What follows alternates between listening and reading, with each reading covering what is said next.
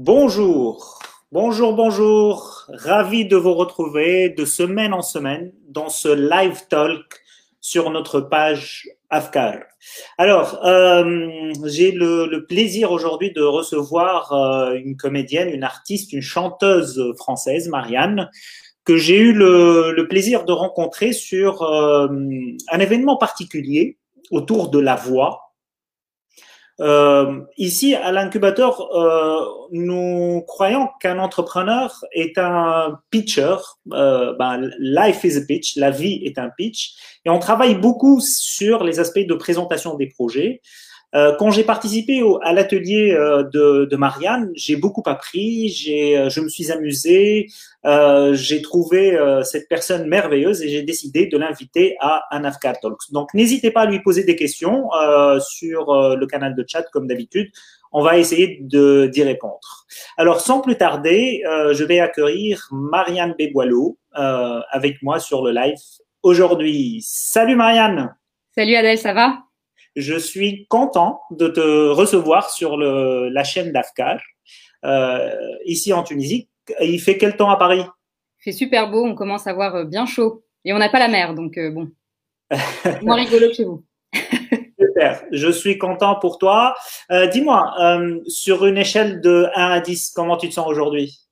Bah, 10 Allez, on va dire 10. super. Merci de me recevoir, c'est super.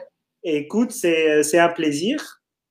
Euh, par, par, quoi, par où on commence? Euh, qu qu Allez, j'ai envie de te poser la question euh, qui nous a amené à, à, nous rencontrer, la voix. Qu quelle est l'importance de la voix dans ton métier? Qu'est-ce que la voix pour toi? V-O-U-X Waouh, bah là, écoute, la voix, c'est euh, tout.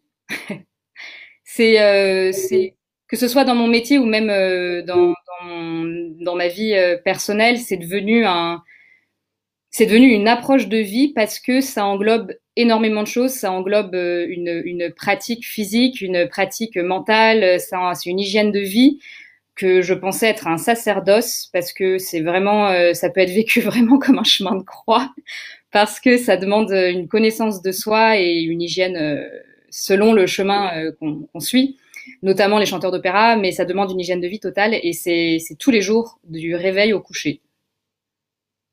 Euh, alors, que, quels sont les exercices du réveil? Allez, j'ai envie de, de, de, connaître tes, tes daily habits. Mes daily habits. Eh ben, écoute, c'est euh, bon. Après, euh, chacun a sa routine, mais c'est vrai que moi, c'est euh, reprendre contact avec mon corps parce que parce que je sais pas pour toi et pour d'autres, mais le matin quand je me réveille, parfois, je suis un peu paumée. Et donc du coup, c'est reprendre contact avec mon corps et puis ça va être des, de la méditation, ça va être des exercices de respiration, remettre en marche mon souffle parce qu'on a beau respirer euh, humain parce que sinon on n'est plus là. Euh, il y a quand même toute une, une machinerie, ce que j'appelle une machinerie à mettre en route, euh, des étirements, euh, de la résonance. Enfin, c'est vraiment tout un, un, réveil physique entier, de la pratique d'un sport pour réveiller tout mon corps jusqu'à juste le réveil vocal et du visage. Moi, moi j'ai toujours ma, ma checklist que j'ai ah. eue à travers l'atelier. Donc, avant de partir en live, avant de pitcher, avant de prendre la parole en public, je fais toutes les mesures nécessaires pour que ça fonctionne.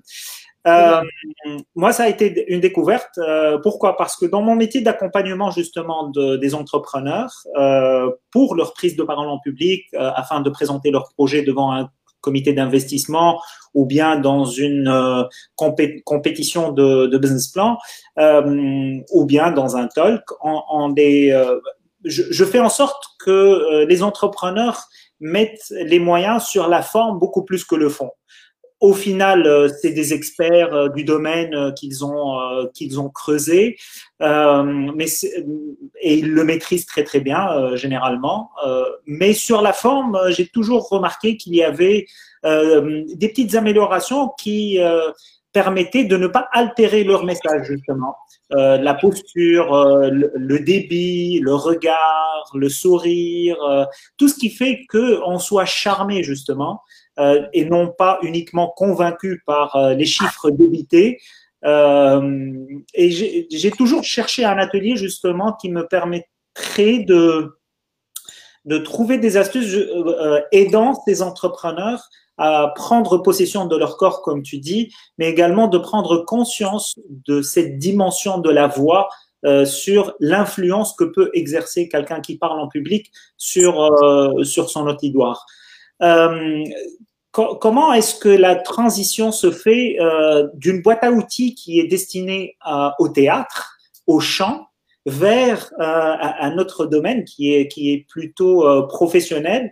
Je sais que cette boîte à outils, elle regorge de choses qu'on peut éventuellement utilisé dans, un contexte professionnel. Mais comment se fait cette, euh, transition?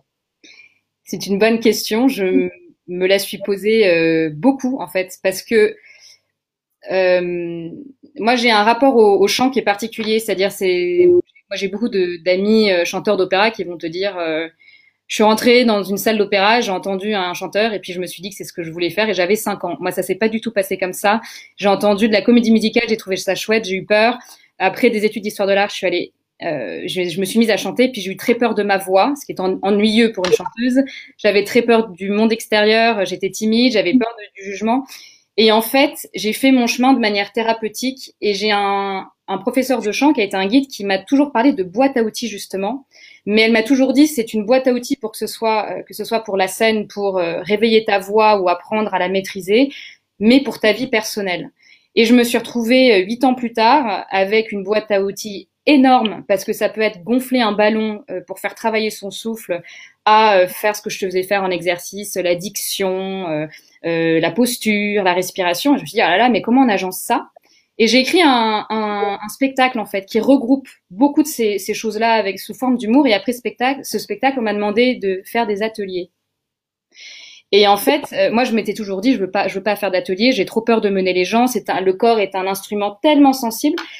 Et en fait, ce qui s'est passé, c'est que déjà en écrivant mon spectacle, j'avais beaucoup élagué. Et puis j'avais testé plein de choses. J'avais testé même les animaux, les bruits des animaux, euh, le meuglement de la vache. Donc c'était parti, mais vraiment loin pour aller trouver, euh, voilà. Mais en effet, euh, ça m'a demandé une déconstruction mentale que de me dire, euh, il y a plein d'outils que je peux prendre qui sont pas juste destinés aux chanteurs d'opéra qui a besoin d'avoir une voix surdéveloppée, mais que je peux amener de manière, et je voulais ça de manière très ludique, à des à des curieux que ce soit des curieux, des comédiens professionnels ou, des, amateurs. Mais ça demandait une déconstruction, ça demandait beaucoup de recherche, de simplicité, et j'ai eu mes quelques amis cobayes aussi. euh, j'ai pas eu le, plaisir, euh, l'occasion de voir Péronel, mais c'est qui Péronel? Ah, alors, ce qu'il faut savoir, c'est qu'une une c'est un vieux mot de français, c'est un vieux français, et c'est une jeune femme, une jeune femme ou une jeune fille euh, à la langue bien pendue et très naïve. Et moi, c'est ce que c'est la manière dont je me suis sentie pendant des années dans le chant parce que on te, ton, tout se sent de l'intérieur. Tout le mouvement se crée à l'intérieur, donc c'est pas le danseur ou le comédien euh, où tu corriges le, chez qui tu corriges le mouvement de l'extérieur. Tout est à l'intérieur. Et je ne comprenais rien.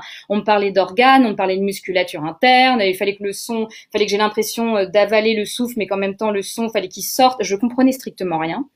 Et je me suis sentie très naïve et, et très euh, stupide pendant euh, huit ans, jusqu'à ce qu'en fait, tout d'un coup, le puzzle se fasse. Donc voilà Péronel qui débarque en terre de chant avec toutes ses peurs et qui les expose au public.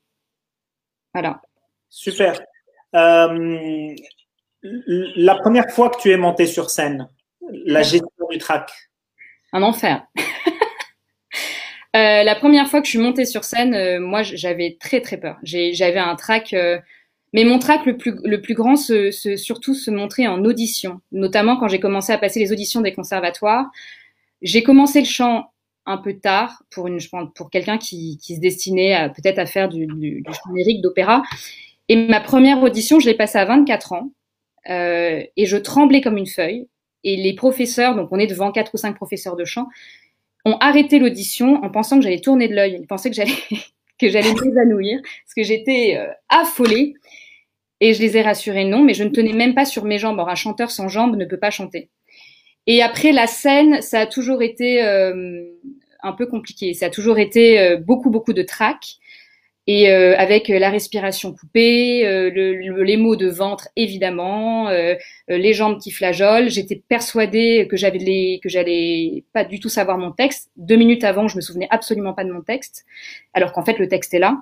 mais vraiment, ça a été très compliqué. Et la première fois que j'ai joué Péronel, j'ai eu la gorge sèche deux secondes avant de monter sur scène. Et qui dit gorge sèche, veut dire que je peux pas chanter.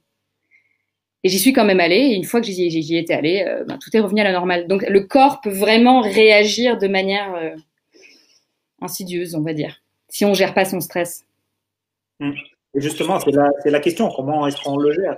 Ah, et eh ben en fait, il n'y a pas de secret. Euh, on gère son stress en se connaissant, en connaissant justement. Il faut passer par le stress pour reconnaître justement les, les, les ce que va faire son corps, euh, le corps en temps de, enfin, en ressentant le stress. Mon stress est différent, je suis sûr du tien, comme il se manifeste de manière différente. Et la seule manière de gérer son stress, c'est d'avoir des outils. Euh, euh, le calmer et comment le calmer? Ben c'est euh, la respiration parce que très souvent la respiration est courte elle devient on respire haut et, et, et tout se brouille donc c'est il y a plein de petits outils pour apprendre à gérer son stress passant par euh, par exemple, revenir à soi, c'est-à-dire en, revisualisant chaque partie de son corps, et, euh, ça permet de ramener un calme intérieur, et puis respirer. Il y a vraiment plein de choses après qui sont personnelles. On fait son tri dans tous ces outils. Euh, Aujourd'hui, on, passe au digital. Euh, il y a beaucoup de gens qui interagissent par le digital. On a vu plein de chanteurs performer euh, via le digital, euh, etc. Et ce passage vers le digital, est-ce qu'il change des choses par rapport aux, techniques qu'on a appris pour le présentiel Est-ce qu'il y a des choses qui se rajoutent justement en termes de, conseils, de gestion, ou, ça simplifie plutôt cette euh, prise d'initiative euh, en public Alors, pour certaines personnes, ça va être plus stressant de le faire face à une caméra. Pour d'autres, ça va être moins stressant peut-être parce qu'ils n'ont pas la, pression d'être sur une scène ou devant plein de gens. Moi, je sais que je trouve ça un peu compliqué d'être face caméra. Ça m'a demandé un ajustement parce que on n'a pas l'habitude de regarder à travers une lentille de, caméra. Euh, mais euh, en soi, c'est les les mêmes préparations de base. C'est vraiment les mêmes préparations et toujours avoir conscience de euh, sa posture. Si on se tient comme ça, ben on peut pas, enfin personne, c'est pas possible. C'est-à-dire que euh, on est voûté. Il y a toujours une présence à soi et une posture à développer, une conscience de la posture de son corps. Euh, et c'est à peu près les mêmes outils, en fait, je dirais. Parfois, moi, je trouve ça plus facile parce que sur scène, on pourrait avoir tendance à se balader à droite, à gauche, et du coup, l'auditoire dirait un match de tennis, voilà, l'auditoire, voilà. Euh, là, on est assis, donc ça permet d'être peut-être plus au calme aussi. Mais il faut pas le piège, c'est d'oublier de vivre, de laisser son corps vivre et d'être raide. On peut continuer à vivre en bougeant les mains, euh, même si ça ne se voit pas, le corps euh, est en vie et ça se voit. Il est en dynamique. Ouais, tout à fait. Alors, juste un petit rappel pour euh, les auditeurs qui nous suivent. Vous pouvez poser vos questions. Euh, on, se fera plaisir de, partager autour de la thématique qui vous intéresse euh, en direct. Moi, je voulais, je voulais que tu partages avec nous un de tes fameux virelangues qui te permettent de, de t'échauffer la voix. Alors, il y a qui sont ces serpents qui sifflent sur nos têtes, qui Alors, permet de travailler le sauce? Qui sont ces serpents qui sifflent sur nos têtes? Qui sont ces serpents qui sifflent sur, nos têtes? Il euh, y, euh, y, a aussi euh, les chaussettes de l'archiduchesse sont-elles sèches, archi sèches? Ça, j'ai jamais réussi. il est vachement dur. Il est vachement dur. Et, et c'est des, des, choses, des phrases que je vais dire euh, euh, avec souvent, c'est ce que je vous avais fait faire avec un crayon là. Ouais. Comme ça. Parce qu'en fait, tu, tu tu fais beaucoup moins de choses et t'es obligé d'articuler pour parler. Et en fait, le but c'est pas que ça vienne de la gorge, mais que ça vienne du ventre, que ça vienne de ta respiration. Et si auparavant on t'a fait un peu bosser ta respiration en te faisant prendre conscience d'où est-ce qu'elle vient, est-ce que c'est le ventre, est-ce que c'est costal, est-ce que c'est pectoral, t'as plus de chances d'y arriver. Mais t'as des choses plus faciles, hein, comme trois grands gros crânes de crabe. C'est des phrases euh, toutes bêtes, mais qui permettent de, pas forcément avec un sens, mais qui permettent de détendre et euh, de faire travailler justement la musculature de ce visage dont on a très peu conscience, malheureusement, et de notre langue. Tout à fait. Alors, il y a Sabrine qui est avec nous euh, sur, en, direct. Euh, et c'est vrai que quand on a le, temps de se préparer avant une montée en scène ou une prise de parole en public, euh, c'est relativement gérable. Mais quand on nous prend par surprise, sur ce qu'on va dire quand on ne prend pas surprise, ça. Oh bah oui, oui, oui. Bah ça c'est un des facteurs et c'est pour ça qu'il est si important de se préparer euh, mentalement et physiquement, parce que si on est bien dans son corps, si on sent à peu près euh, à l'aise, prêt à accueillir ce qui va se passer, parce que c'est ça le truc, c'est aussi de se dire, quoi qu'il arrive, je vais accueillir et je vais pouvoir gérer. Moi, ce qui m'a beaucoup appris euh, à, à gérer mon stress face au public, c'est d'être à un moment donné guide gastronomique parce que pendant mes études, il fallait bien que je bouffe. Et donc, du coup, je, bah, j'ai fait des petits jobs alimentaires, notamment guide gastronomique, où j'avais cinq fois par semaine des, enfin, plusieurs dizaines euh, de personnes différentes que j'amenais à travers les rues. Et ben, les premières fois, c'était très, très impressionnant. Et c'est un peu, moi, je le vivais un peu comme bah, ce que je fais là, un one-woman show, enfin, pas là, mais ce que je fais dans Péronel, un one-woman show, où je sais pas ce qui m'attend. Et là, le pire, c'est que je ne sais pas ce qui m'attend, je ne sais pas quel public je vais avoir. Il y a une fois où j'ai eu une équipée de, Marines américains qui était pas commode, hyper hyper macho et pas commode, et euh, ça a été de l'improvisation en permanence. Et en effet, chaque matin, même en étant guide, je me préparais mentalement parce que ça m'était pas forcément euh, naturel et évident de faire ça. Il faut se préparer. Vraiment, il y aura toujours des situations, on va essayer de vous cueillir, et euh, si vous êtes préparé mentalement, physiquement, et si vous êtes à peu près bien avec vous-même, ça devrait bien se passer. Mm. Ça, doit être euh, musclant, comme on dit. Ça va muscler euh, toutes euh, ces, prises d'initiative. alors, comment arrive-t-on à dominer un public Nous pose la question Chérif. Pour moi, on le domine pas, on l'apprivoise. C'est comme un lion et son dresseur, enfin ou l'inverse. le dresseur peut le dominer, mais j'ai une amie qui est, qui est, dresseuse de chevaux justement, et elle, elle apprivoise en fait.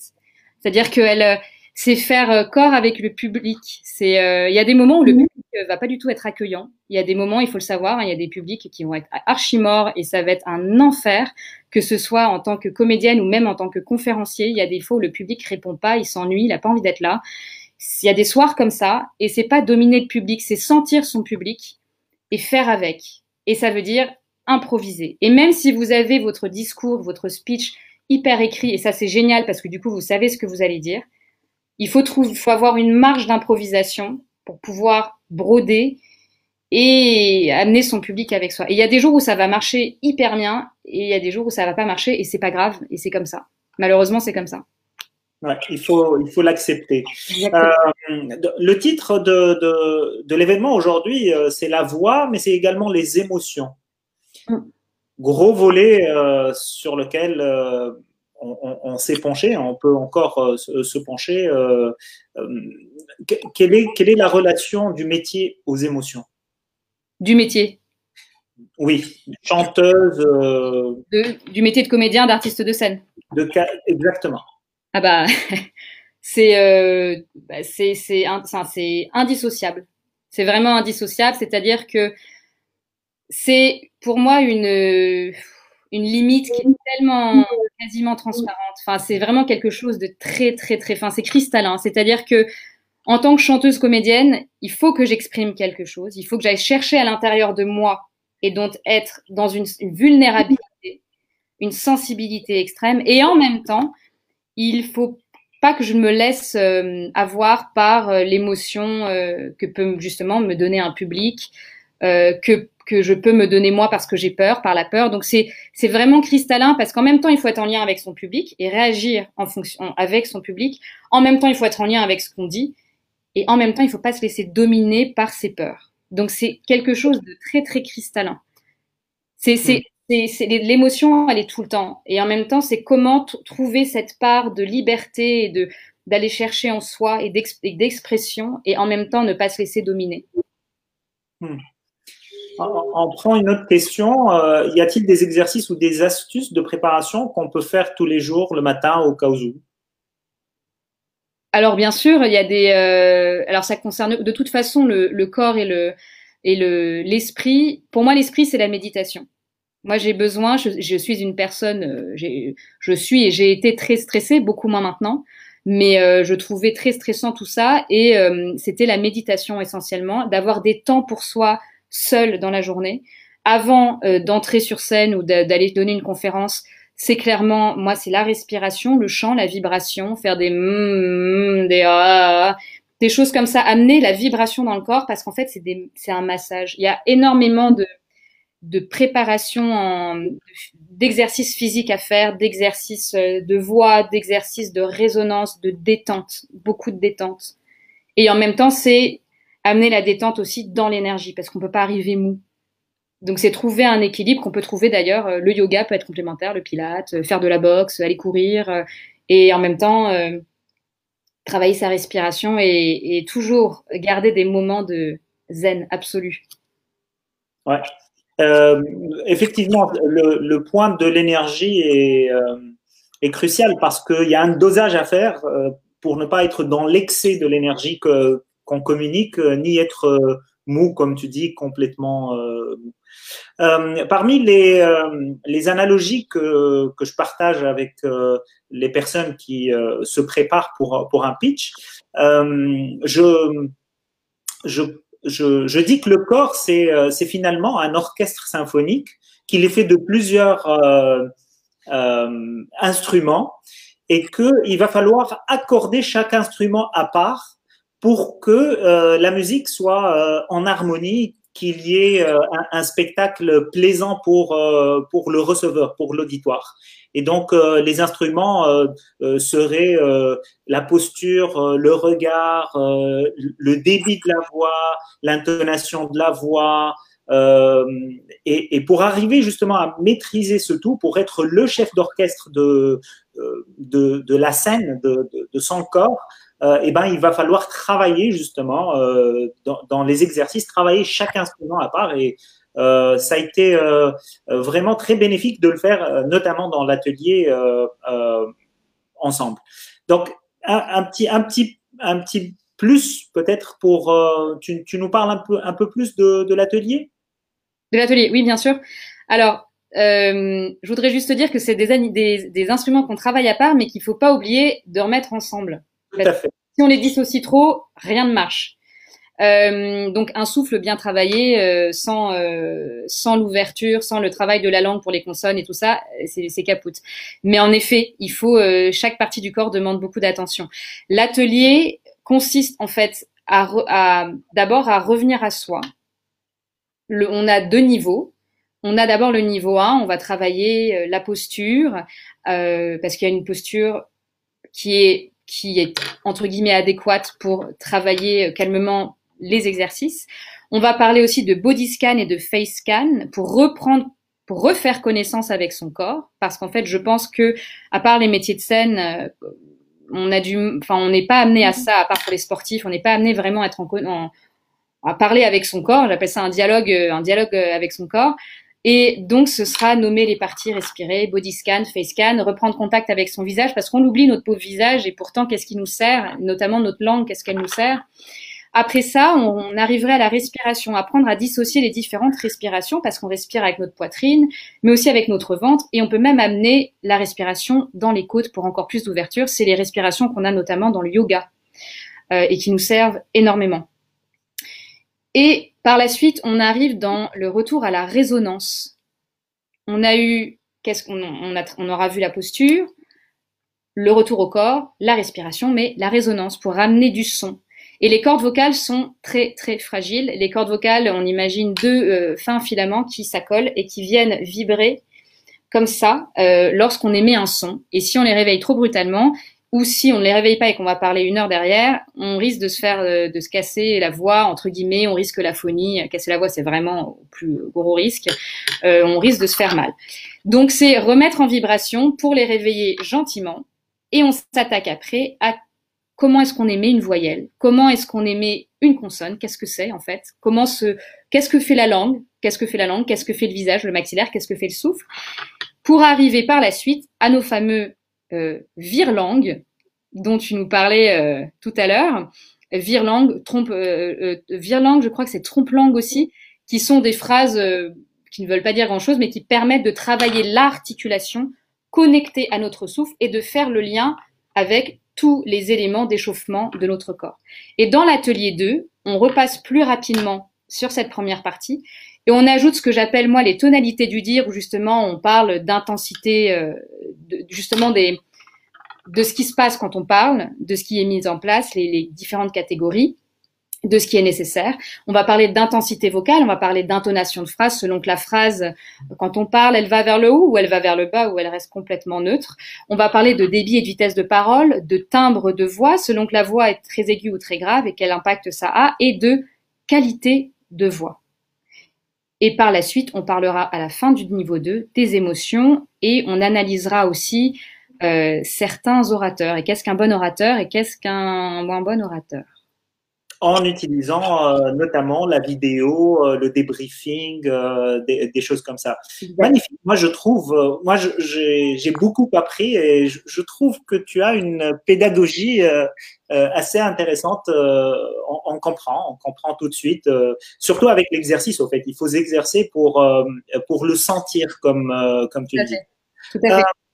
On, on, a parlé beaucoup des moments avant la, la, prise de parole, mais Qu'est-ce que tu fais quand il y a un blanc? Est-ce qu'il t'est arrivé d'avoir un blanc au milieu du spectacle, par exemple?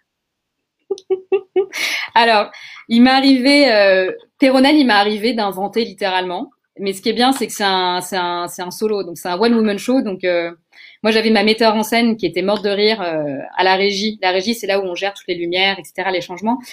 Et parce qu'en fait, euh, elle connaît très bien le spectacle et je, prends, je peux prendre des libertés. Donc ça, Péronel, c'est pas grave. Mais j'étais tellement embarquée que de toute façon, le public n'en a rien vu. J'ai eu beaucoup de chance. Par contre, il m'est déjà arrivé d'oublier littéralement euh, mon texte euh, lors d'une pièce classique. Et ça, c'est très ennuyeux parce que tout est écrit au vers près. Et c'est très ennuyeux et je ne trouvais absolument pas mon, texte. Et ça, c'était une des premières fois que j'étais sur scène. Et euh, j'avais un des collègues derrière qui m'a soufflé mon texte haut et fort. Ça fait beaucoup rire le public. C'était euh, c'était mortifiant pour moi. C'était vraiment mortifiant, mais bon, euh, je suis passée par là. voilà, c'est fait. Mais oui, j'ai eu des blancs, bien sûr. Et donc, il y a toujours euh, une solution B d'avoir un, un, collègue qui, avec le, le, texte écrit pour relancer la machine ou, ou c'était un pur hasard? Alors, soit le collègue, euh, il s'avère que là, c'est un moment de la pièce où j'étais seule sur scène en train d'espèce de lire une, un espèce, une espèce de lettre. Euh, donc là, j'étais seule sur scène, euh, voilà. Mais si on est, si à ce moment-là, on est, on a d'autres partenaires avec nous, ils peuvent broder pour nous et, et, en fait partir sur leur réplique et relancer la dynamique. Là, il s'avère que j'étais seule sur scène, donc tout le monde était derrière avec le texte sous les yeux. Donc j'ai eu de la chance, oui. Mais ça pas parce que sinon la pièce stagnait et on pouvait rester là une heure. Euh, est-ce que tu as remarqué euh, une différence entre les, euh, les différentes nationalités en, termes de, public? Je pense que tu as joué également en Espagne. Ouais. J'imagine, c'est le même public ou c'est pas le même public? Bah Là, j'ai joué, en Espagne pour la communauté française, donc ça restait des Français. donc, pour le moment, j'ai joué que pour des Français. D'accord. le français, et ça dépend. Il y a des soirs où le français est très réactif. Euh, il y a des soirs où le français n'est pas très réactif. Euh, j'ai eu j'ai eu des publics sympas pour le moment. Donc euh, c'est mais mais il y a des mais Barcelone n'était pas forcément évident parce que ils étaient pas ce que j'appelle hyper chaud quoi. Enfin c'était pas hyper répondant et du coup il a fallu que je m'accroche. mais Paris avait bien répondu. À Paris j'ai eu de la chance ouais. Super. Alors il y a Nedra qui qui est friande comme moi euh, des phrases qu'on dit pour remettre les cordes en vibration Pour remettre les cordes. Alors, c'est pas vraiment des phrases. Ce sont, par exemple, des, moi, ce que j'appelle le m. C'est juste le m de euh, le bon gâteau, en fait. C'est, il faut, il faut se souvenir que même si ce sont juste euh, des, des onomatopées ou, ou des, ou des, ou des, comment dire, ou des morceaux de phrases, il faut toujours garder une intention. Donc même sur le m, il faut parce que l'intention, si, si, je dis quelque chose, le corps va être dans une dynamique. Donc ça va être le m, c'est donc des m.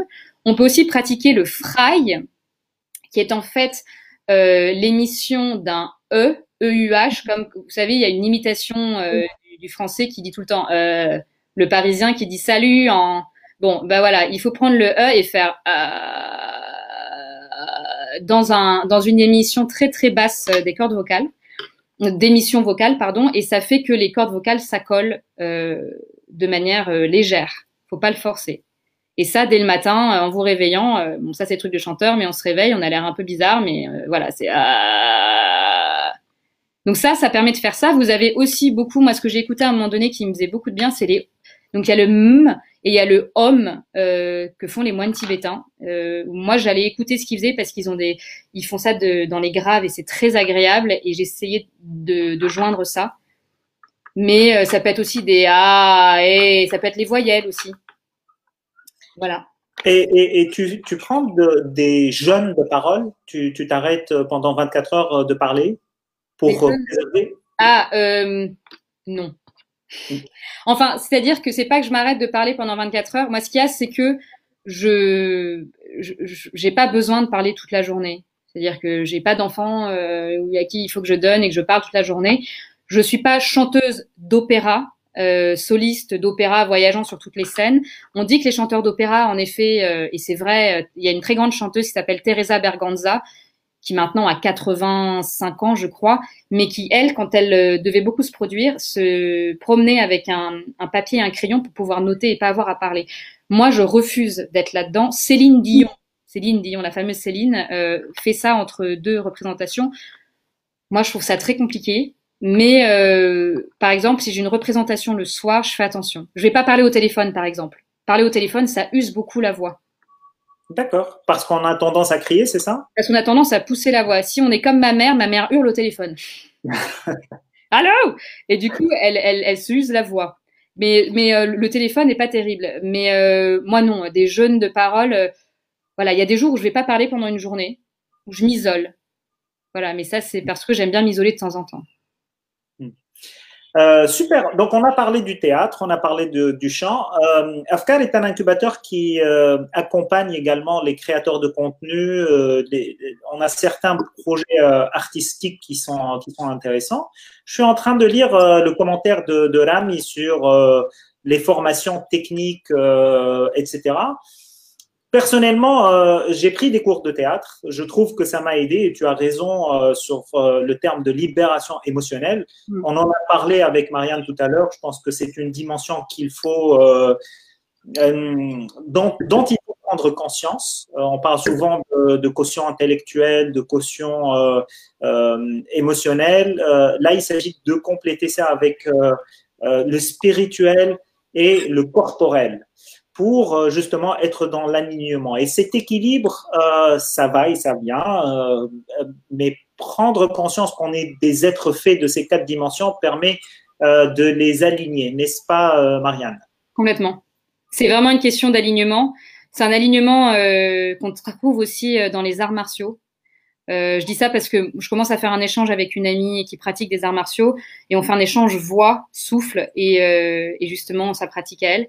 Et il y a vraiment besoin. Après, on n'est pas tous spirituels, on peut pas, on peut pas l'imposer, hein, mais, mais c'est vrai qu'il y a besoin d'un alignement, d'un alignement, total, de la tête, de l'esprit et du corps. Ça, c'est clair, c'est certain. Super. Donc, on a, euh, on a Safé qui nous dit qu'elle a euh, une conférence, un speech à préparer devant euh, 300 personnes. Ça me rappelle la première fois où je me suis trouvé euh, devant un auditoire de 600 personnes poussé par, euh, par, mon manager parce qu'il n'avait pas les réponses. C'était dans un cadre euh, institutionnel d'une, boîte euh, là où je travaillais. Donc la question était, c'était un, un, rassemblement annuel de tous les employés. On les avait réunis dans un super endroit. Et euh, le blanc était chez mon patron et mon patron, il, il, il m'a regardé, il m'a dit bon, écoute, j'ai pas de réponse sur ce, ce volet-là, c'est toi qui gères le projet, donc à toi de leur répondre. Et du coup, de, je me suis retrouvé avec mon, mon, patron derrière et un public de 600 personnes devant moi et moi qui devais euh, expliquer. Euh, euh, trouver des réponses, euh, rassurer, etc. C'était waouh quoi. Ça réveille, on, va dire que ça réveille. Donc bonne chance, bonne chance, ça va. ça fait, excuse-moi. Donc comment vous surmontez le trac? Je pense qu'on en a discuté au début de, nos échanges. Tu, tu, veux redire un mot euh, là-dessus, euh, Marie Je vais le dire rapidement. C'est, euh, ça fait en fait, c'est, moi je surmonte le trac par la connaissance de mes émotions. Euh, c'est en connaissant son trac, en l'ayant vécu un nombre de fois infini, qu'on va comprendre comment on fonctionne. Et après, c'est une fois qu'on a compris ce qui se passait dans notre corps, aller chercher les outils pour le détendre. C'est c'est ce qu'on dit, c'est ce qu'on n'arrête pas de dire là en fait. C'est la, la préparation physique et mentale, le souffle, aller respirer, se poser dans un coin, méditer, euh, connaître son connaître euh, le speech à donner pour par exemple pour ton TEDx, euh, le connaître sur le, bout des doigts pour pouvoir broder derrière et improviser, ça c'est certain. Et, je peux, et je peux en fait faire le lien avec le fait que hum, cet hiver, je suis partie en tournée parce que j'étais présentatrice d'un festival de films où chaque soir, je présentais une sélection de films de haute montagne. Et j'ai fait ça en, Europe avec justement différents publics. Et mon plus petit public était 300 personnes. On allait jusqu'à, je crois, plus de 700 personnes. Ce qui en fait ne change rien. 300 à 700 personnes, euh, ça change rien. Euh, et parce que je connaissais mon speech, j'ai pu, euh, on peut réagir. Donc les TEDx, après, je crois qu'il n'y a pas de dialogue avec le public, mais voilà, c'est connaître, connaître son, son, ce qu'on va dire et prendre le temps de, de se préparer physiquement, mentalement, le temps de redescendre. Euh, au fait, ce qu'on est en train de, lire actuellement sur, euh, sur le chat, euh, c'est des ateliers de formation en, en, technique de prise de parole en public. C'est des ateliers peut-être, il y a des personnes qui ont participé à des ateliers sur la gestion émotionnelle, d'autres qui ont fait du théâtre. Je suis passé par tout cela, euh, mais l'atelier qui est proposé par Marianne, il est euh, orienté voix. Euh, c'est un autre angle. il faut prendre conscience de sa voix. Et pour cette prise de conscience, pour instrumentaliser sa voix dans la transmission des, des émotions, euh, bah, c'est un nouvel, angle qui, pour moi, a, a été euh, vraiment, euh, vraiment formateur. Euh, J'ai une question de, quelqu'un qui, dont le métier est de parler euh, longtemps, euh, quotidiennement, euh, notamment pour les enseignants. Est-ce qu'il y a une posture particulière, des exercices particuliers pour pas les performances en courte durée comme comme le chant ou le théâtre, mais des performances un peu plus longues dans dans, dans la durée? Eh ben honnêtement, c'est la même préparation. C'est vraiment la même préparation. Si en plus, beaucoup de professeurs. Euh, alors, il y a des professeurs qui ont la chance d'avoir une voix euh, bien placée entre guillemets. C'est surtout chez les hommes. Les hommes, vous avez plus de, vous avez souvent euh, plus la chance d'avoir des voix bien, ce que j'appelle incorporées, des voix pas haut placées, qui partent de la gorge où, où vraiment on se fait mal.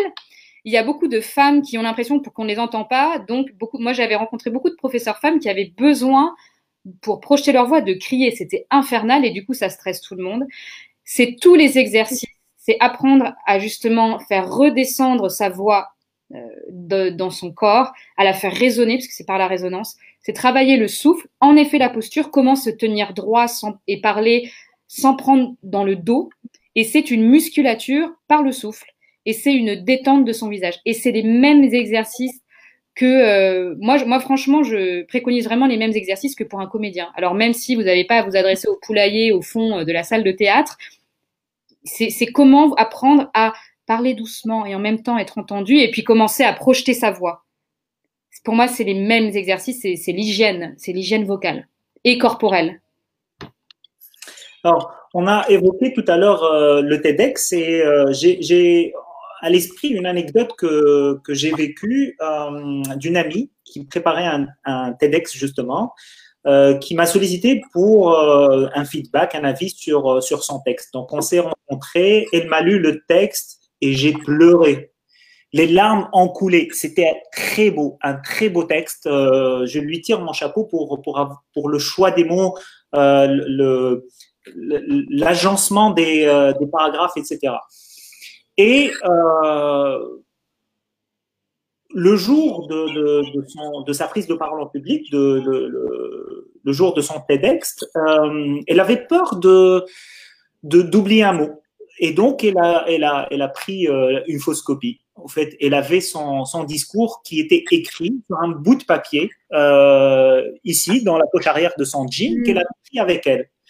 Mm. Fait, c'est quelque chose que moi personnellement je déconseille depuis. Pourquoi? Parce que euh, elle avait tendance à euh, vouloir faire confiance à, un tierce objet qui était le papier là où il y avait son, euh, discours. Alors que dans les répétitions, tout allait très très bien justement peut-être parce qu'il n'y avait pas le trac, parce qu'il n'y avait pas le public, parce qu'il n'y avait pas la lumière. Euh, mais euh, au moment de passer en scène, et quand elle sentait qu'il y avait un blanc, elle, elle tirait la, le, papier de, de, son, de son jean pour lire la, la continuité de, de, de, son texte. C'est un texte qu'elle a beaucoup répété. Euh, mais je pense que dans sa tête, elle s'est faite une bouée de sauvetage et qu'elle n'arrêtait pas de s'attacher à cette bouée de sauvetage, ce qui a euh, un peu faussé euh, le, l'émotionnel qu'elle pouvait véhiculer avec, euh, avec le pitch en live. Heureusement que sur le TEDx, il y, a le, il y a le montage derrière. Donc, mm. sur la version qui est en ligne, on ne voit pas tout ça. Mais pour l'avoir vécu en direct quand elle était sur scène, je peux vous dire que c'était pas la bonne la bonne approche, d'avoir justement euh, un papier avec le texte sur lequel on pourrait euh, éventuellement se, relayer pour, combler ou relancer la machine ou combler le blanc. Oui, moi c'est ce que j'appelle un, un, faux outil, un faux ami en fait. J'avais fait, moi c'est exact, c'est marrant parce que j'ai fait exactement la même chose, alors que pourtant sur scène, j'ai jamais mon texte, mais je l'ai fait pour le festival euh, de films de montagne parce que vu que c'est pas vraiment mon domaine, que tu vas rarement me trouver en haut du Mont Blanc euh, avec mon piolet, je me suis dit ah là là, c'est un monde que je connais pas. Et j'avais du coup la feuille pliée sur la poche arrière de mon jean et euh, je ne regardais pas mon papier, mais c'était euh, c'était la sécurité. Et en fait, c'est une fausse sécurité parce que j'ai réalisé qu'à partir du moment où je me suis sentie à peu près à l'aise, où j'ai décidé de lâcher cette fausse bouée de sauvetage, J'étais beaucoup plus naturelle. Le public, du coup, euh, bah, rigolait parce que parce qu'il y avait des choses drôles qui passaient pas du tout, alors que quand j'étais en me disant ah là là, s'il y a quoi que ce soit, j'ai mon papier derrière. Et du coup, en fait, ça, ça, ça crée, pour moi, ça a créé un stress en plus. Et du coup, as, bon, ton amie, elle n'était plus connectée à ce qu'elle disait, elle était connectée au fait de, faut pas que je me gourre, il faut que je dise mon texte et, euh, et il faut que je fasse bien.